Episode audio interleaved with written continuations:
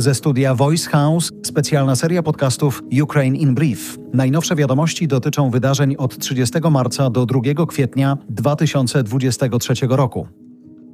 Szefowie ponad 30 mediów z całego świata żądają od Moskwy uwolnienia z aresztu reportera The Wall Street Journal. On jest dziennikarzem, a nie szpiegiem. Powinien zostać zwolniony natychmiast i bezwarunkowo, napisali szefowie redakcji w specjalnym liście. Ewan Gerszkowicz został zatrzymany w czwartek w Jekaterynburgu. Rosja oskarża go o szpiegostwo. Unia Europejska także potępiła zatrzymanie dziennikarza amerykańskiej gazety. Dziennikarze powinni mieć możliwość swobodnego wykonywania swojego zawodu. Zasługują na ochronę, mówi szef dyplomacji Unii. Amerykańskie władze mówią wprost: to nie jest czas, żeby Amerykanie byli w Rosji. Musicie wyjechać teraz, niezależnie od celu podróży, mówi rzecznik Rady Bezpieczeństwa Narodowego USA.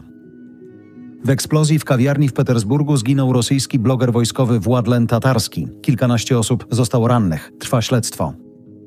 Turcja zgodziła się na przyjęcie Finlandii do NATO. Szwecja musi poczekać. Zgodę dla Helsinek dał zarówno parlament Turcji, jak i prezydent kraju. Jak mówił, NATO będzie silniejsze z Finlandią wewnątrz sojuszu. Rosja rządzi od soboty Radą Bezpieczeństwa ONZ.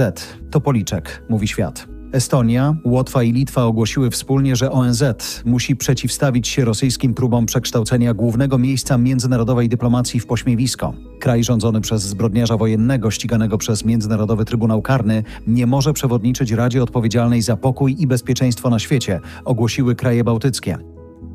Co trzeci Ukrainiec uważa, że zwycięstwem będzie rozpad Rosji. Ponad 90% Ukraińców uważa, że ich kraj pokona Rosję. Połowa pytanych twierdzi, że Kijów zwycięży do końca roku. To sondaż Centrum Razumkowa. W Rosji ruszył wiosenny pobór do wojska. W sumie ma być powołanych 150 tysięcy Rosjan. Najwięcej poborowych tradycyjnie trafi do wojsk lądowych i marynarki wojennej. W sumie kilkaset tysięcy ukraińskich dzieci zapisało się do szkół w Niemczech i w Polsce. W Niemczech to ponad 200 tysięcy dzieci, w Polsce prawie 190 tysięcy ukraińskich uczniów. Rosjanie i Białorusini będą mogli zagrać w prestiżowym turnieju na Wimbledonie. Organizatorzy wielkoszlemowego turnieju zgodzili się na to mimo międzynarodowego sprzeciwu. Rosjanie i Białorusini muszą zagrać pod neutralną flagą i nie mogą wyrażać poparcia dla prowadzonej przez Rosję wojny w Ukrainie.